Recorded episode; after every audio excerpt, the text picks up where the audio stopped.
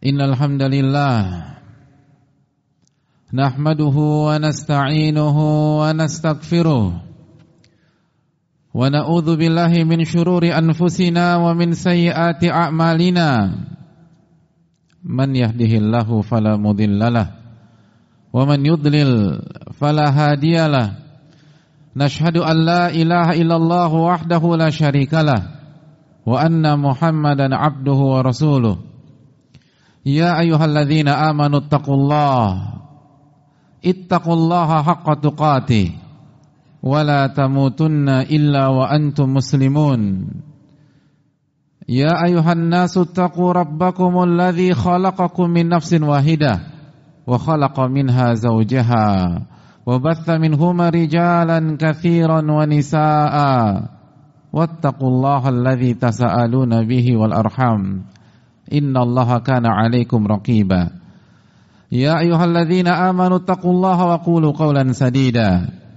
Yuslih a'malakum wa yaghfir lakum dhunubakum wa wa rasulahu faqad faza fawzan 'azima. Ma'asyiral muslimin yang semoga Allah muliakan. Marilah kita memulai khutbah yang semoga Allah berkahi ini dengan bersyukur kepada Allah Subhanahu wa taala. Dengan memuji Allah tabaraka wa taala atas nikmat yang Allah berikan kepada kita. Nikmat yang membuat kaki ini bisa melangkah menyambut seruan Allah tabaraka wa taala. Yang membuat hati ini tergerak untuk menuju salah satu rumah-rumah Allah Subhanahu wa taala. Karena kehadiran kita di sini sejatinya bukan karena kekuatan fisik kita. Kehadiran kita di sini sejatinya bukan karena sebatas kesadaran pribadi kita. Karena ini adalah taufik. Ini adalah hidayah yang Allah berikan kepada kita. Kalau Allah tidak memberikan hidayah, tubuh yang sehat ini tidak akan bisa melangkahkan kakinya ke salah satu rumah-rumah Allah Subhanahu wa taala. Oleh karena itu bersyukurlah kepada Allah Subhanahu wa taala. Ketika Allah masih mengizinkan kita untuk bisa sampai ke rumahnya sebagaimana hadirin sekalian. Rumah kita kita tidak akan izinkan seseorang masuk ke rumah kita hanya sebatas dia sehat, hanya sebatas dia cerdas, hanya sebatas dia kaya. Masjid adalah rumah Allah tabaraka wa taala.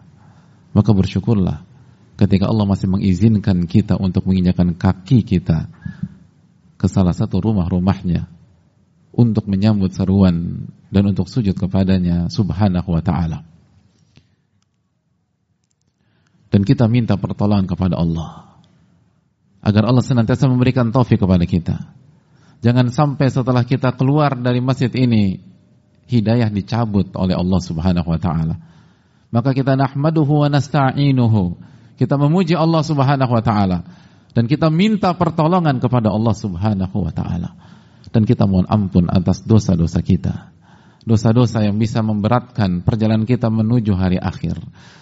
Dosa yang bisa membuat kita gagal mencapai mimpi kita masuk ke dalam surganya. Dosa yang membuat kita jatuh dan sia-sia dan hancur di dunia dan di akhirat nahmaduhu wa nasta'inuhu dan kita meminta perlindungan kepada Allah atas keburukan diri kita. Keburukan diri kita hadirin sekalian. Yang dijelaskan para ulama, "Lau lam yakun al-'aunu minallahi lil fata fa awwalu ma yajni 'alaihi ijtihaduhu." Kalau bukan karena pertolongan Allah dan hidayah Allah kepada seseorang, maka yang pertama kali akan menghancurkan dia adalah blunder-blunder dia sendiri. Kalau Allah tidak jaga kita, kalau Allah tidak lindungi kita dari diri kita sendiri, kita tidak butuh musuh kita untuk menghancurkan kita hadir ini.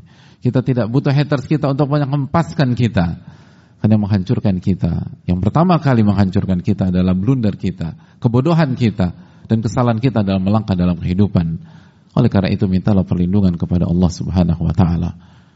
Dan semoga Allah Subhanahu wa taala memberikan taufiknya kepada kita sebagaimana salawat dan salam semoga senantiasa tercurahkan kepada junjungan kita nabi kita Rasulullah sallallahu alaihi wasallam beserta para keluarga para sahabat dan orang-orang yang istiqomah berjalan di bawah naungan sunnah beliau sampai hari kiamat kelak. Ma'asyiral muslimin yang semoga Allah muliakan. Suatu hari di dalam kehidupan salah satu nama besar dalam sejarah salah satu pemimpin umat di masanya. Di era khilafah Abbasiyah Harun Ar-Rashid rahimahullahu taala. Suatu hari beliau sedang bersama salah satu nama besar. Dua nama besar bertemu dalam satu lokasi. Beliau bertemu dengan Ibnu Sammak yang suka menasihati beliau. Yang suka menasihati dan mengingatkan beliau pada saat beliau menjalankan tugasnya sebagai pemimpin umat pada saat itu.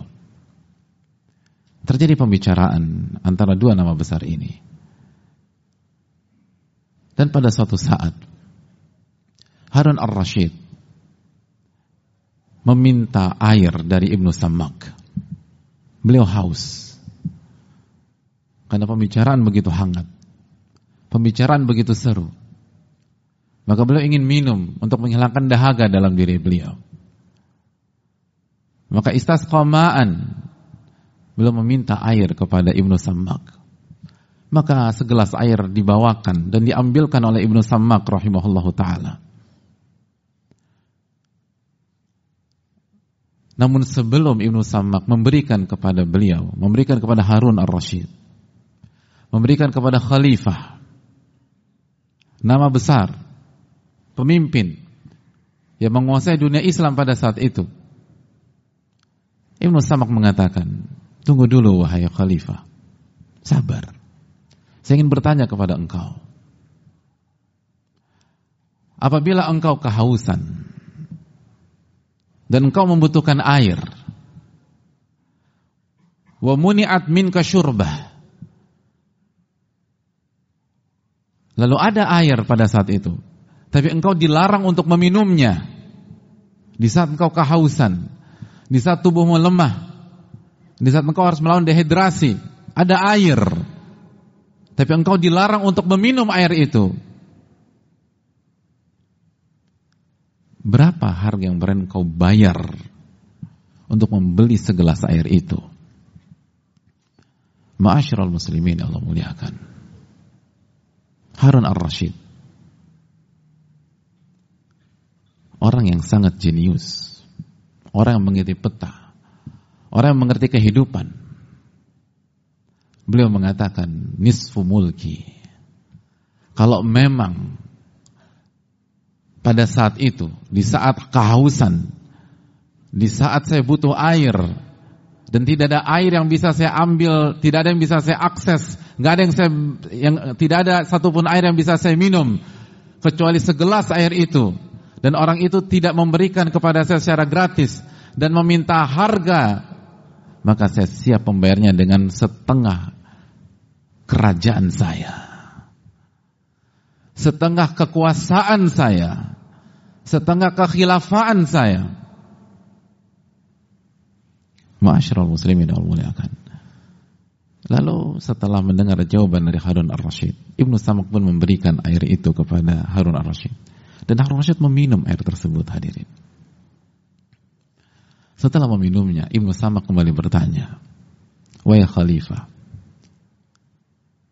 saya mau bertanya pertanyaan kedua kepada engkau. Apabila setelah Anda minum air tadi, yang Anda bayar dengan setengah kekhilafahan Anda, setengah kekuasaan Anda, tidak bisa Anda keluarkan. Tidak bisa Anda keluarkan. Anda punya masalah dengan buang air kecil Anda. Gak bisa dikeluarkan. Lalu harus dilakukan sebuah tindakan medis. Tapi dokter tidak mau gratis dalam dalam menindak Anda. Dia minta harga agar Anda bisa mengeluarkan air itu kembali dalam bentuk urin. Berapa harga yang berani Anda bayar? Maka Harun ar-Rasyid mengatakan, nisfu mulki. Saya akan kasih setengahnya yang sisa. Allahu Akbar. Saya akan kasih setengahnya lagi. Yang penting, segelas air itu bisa saya keluarkan walaupun dalam bentuk urin. Bukan dalam bentuk satu gelas air mineral dengan segala kandungannya. Urin hadirin. Urin. Yang kita tidak mau dekat-dekat dengannya. Yang kita tutup hidung kita kalau mencium baunya. Saya akan bayar setengah kekuasaan saya dan setengah kekhilafaan saya. Lebay tidak. Harun ar-Rashid. Siapa yang berani mengatakan beliau lebay? Siapa yang berani mengatakan beliau hiperbola? Harun ar-Rashid. Orang jenius. Nama besar pemimpin umat selama 23 tahun, kurang lebih hadirin sekalian, mengerti apa rasanya kenikmatan harta, mengerti apa rasanya kenikmatan kekuasaan, bukan satu dua tahun, 23 tahun. Beliau punya semuanya. Sehingga ketika beliau ditanya tentang itu, beliau mengerti. Beliau menjawab dengan ilmu dan pengalaman. Beliau bukan anak kemarin sore. Beliau bukan fresh graduated. Beliau adalah pemilik kekuasaan pada saat itu. Maka Ibnu Samak mengatakan, Wahai Amirul Mukminin, Inna mulkan, sesungguhnya kekuasaan dunia, harta dunia yang Anda punya itu, itu hanya senilai dengan segelas air. Setengah untuk masuk dan setengah untuk keluar. Lajadirun alla maka sudah sempantasnya Anda tidak berambisi untuk itu. Sudah sepantasnya Anda tidak habiskan seluruh kehidupan Anda untuk mengejar itu. Karena kalau Anda tetap mengejar itu sebagai sebuah ambisi bukan sebagai sebuah sarana. Sebagai sebuah tujuan bukan sebagai sebuah fasilitas maka hakikatnya puluhan tahun hidup Anda hanya Anda habiskan untuk segelas air. Hanya sehabis segelas air. Dan inilah sebuah analogi yang menggambarkan bagaimana harganya dunia. Walakinna aktsarun nasi la. Tapi banyak manusia tidak mengetahuinya. Nabi kita sallallahu alaihi wasallam mengatakan hadirin sekalian dalam hadis Tirmizi, "Lau kanatid dunya ta'dilu indallahi janaha ba'udah." apabila dunia di sisi Allah senilai dengan salah satu sayap nyamuk. Nyamuk hadir kan. Dia punya dua sayap. Bukan kedua-duanya, satu dari dua sayap tersebut. Apabila dunia senilai salah satu sayap nyamuk di sisi Allah, maka orang-orang yang tidak beriman tidak akan Allah berikan minum. Ada banyak orang-orang yang tidak beriman yang kufur kepada Allah, menikmati segala fasilitas-fasilitas dunia, camkan hadirin sekalian, itu berarti dunia tidak ada harganya. Apabila ada musuh Anda atau ada musuh hadirin sekalian, dengan bebasnya mengambil daun-daun yang berjatuhan di depan rumah kita, dan kita tidak usik musuh tersebut, untuk mengambil daun-daun yang berjatuhan tersebut, ketahuilah itu berarti daun-daun itu tidak ada artinya buat Anda. Karena kalau itu berharga dan itu diambil oleh musuh Anda, maka kita akan buat perhitungan dengan dia. Ma'asyiral muslimin yang Allah muliakan. Dan itu bukan hiperbola.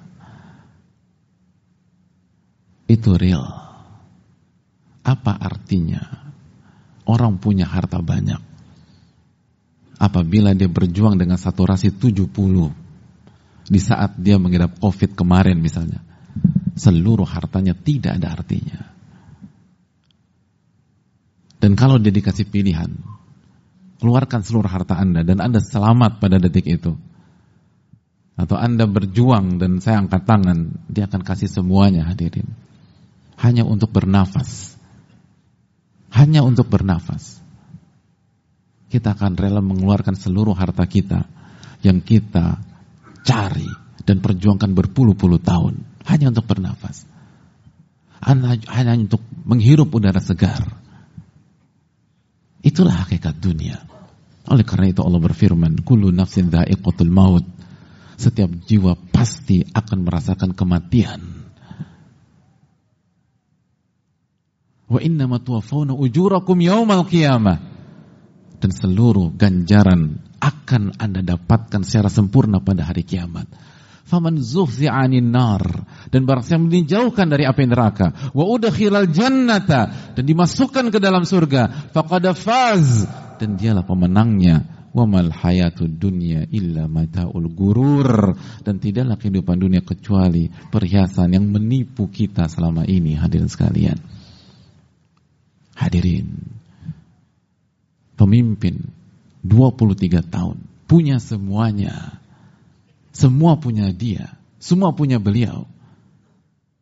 Dan beliau merasakan dan beliau menyatakan kepada kita, kita yang belum pernah sekaya beliau, kita yang belum pernah punya kepemilikan seluas beliau, kita yang tidak sejenius beliau, mengatakan bahwa saya rela memberikan seluruh dunia saya agar saya bisa mendapatkan air agar saya bisa mendapatkan air.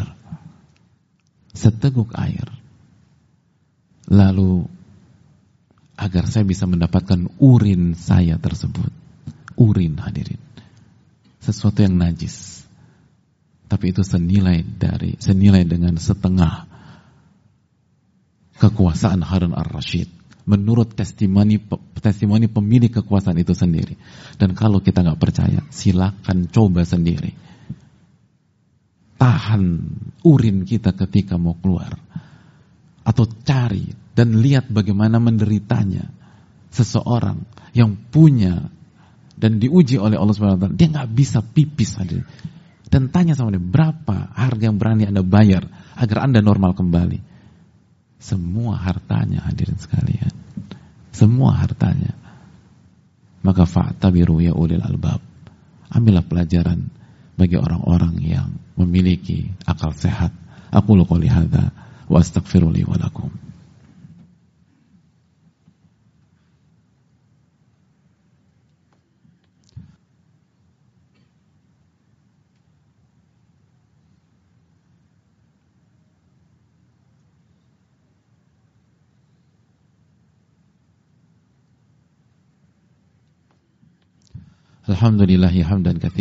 Mubarakan fi kama yuhibbu rabbuna wa yardah wassalatu wassalamu ala ashrafi anbiya wal mursalin wa ala alihi wa sahbihi ajma'in wa ba'd.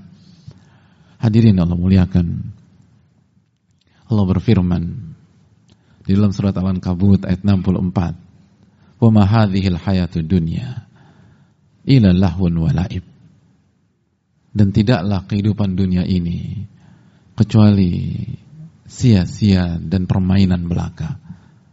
Wa inna darul akhirata lahiyal hayawan.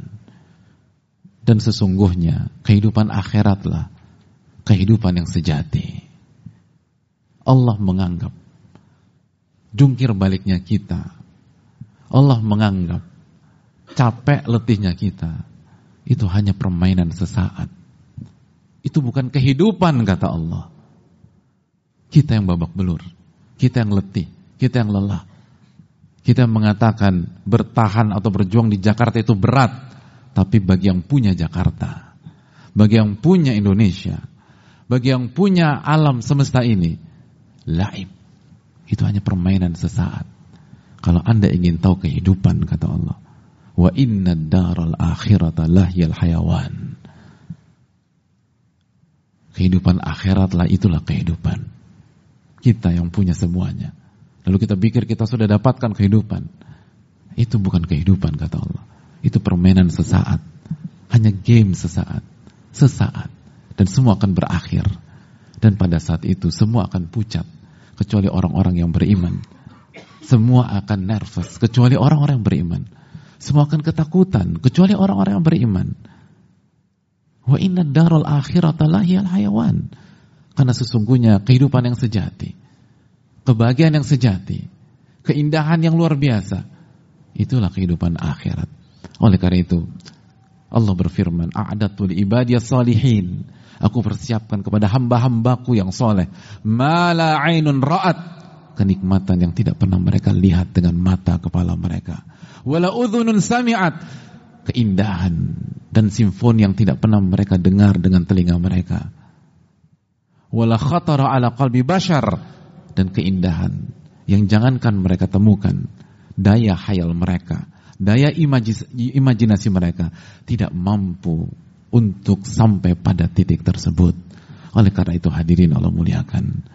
Silakan kita berjuang, tapi ingatlah pastikan tujuan kita adalah tujuan yang diridhoi oleh Allah.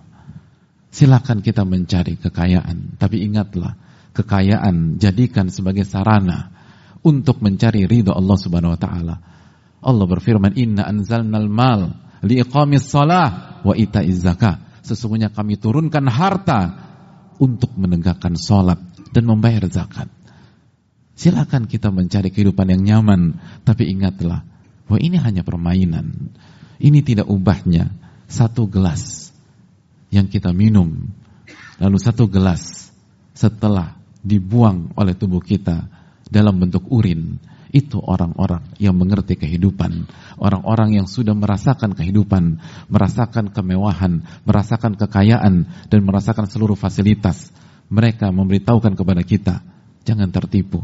Karena yang kita kejar, kalau itu menjadi tujuan hidup kita, sejatinya kita hanya mengejar satu gelas urin saja menurut Harun Ar-Rasyid, bukan menurut saya. Karena saya tidak pernah merasakan kenikmatan dunia apa yang mereka beliau rasakan. Saya nggak pernah merasakan fasilitas yang beliau pernah rasakan dengan segala kekayaan beliau. Itu nasihat beliau kepada kita semua. Oleh karena itu, hadirin sekalian, jadikanlah akhirat sebagai tujuan. Jadilah, jadikan ridho Allah sebagai tujuan. Silakan kita bekerja, tapi jangan lupa sholat. Jangan lupa beribadah. Jangan lupa jalankan tugas-tugas kita. Kewajiban-kewajiban kita agar kita tidak salah langkah dan tidak salah dalam memandang kehidupan yang fana ini. Semoga Allah Subhanahu wa taala meluruskan tujuan kita dan semoga Allah Subhanahu wa taala memberikan kita kebahagiaan di dunia dan di akhirat dan semoga Allah Subhanahu wa taala menjadikan kita sebagai orang-orang yang tenang di dunia dan sukses di akhirat kelak. Innallaha wa malaikatahu yusalluna 'alan nabi. Ya ayyuhalladzina amanu sallu 'alaihi wa sallimu taslima. Allahumma salli 'ala Muhammad wa 'ala ali Muhammad kama sallaita 'ala Ibrahim wa 'ala ali Ibrahim. Innaka Hamidum Majid. Allahumma barik 'ala Muhammad wa 'ala ali Muhammad kama barakta 'ala Ibrahim wa 'ala ali Ibrahim. Innaka Hamidum Majid. Allahumma ighfir lil muslimina wal muslimat wal mu'minina wal mu'minat الأحياء منهم والأموات. إنك سميع قريب الدعوات. ربنا إنا نسألك الهدى والتقى والعفاف والغنى.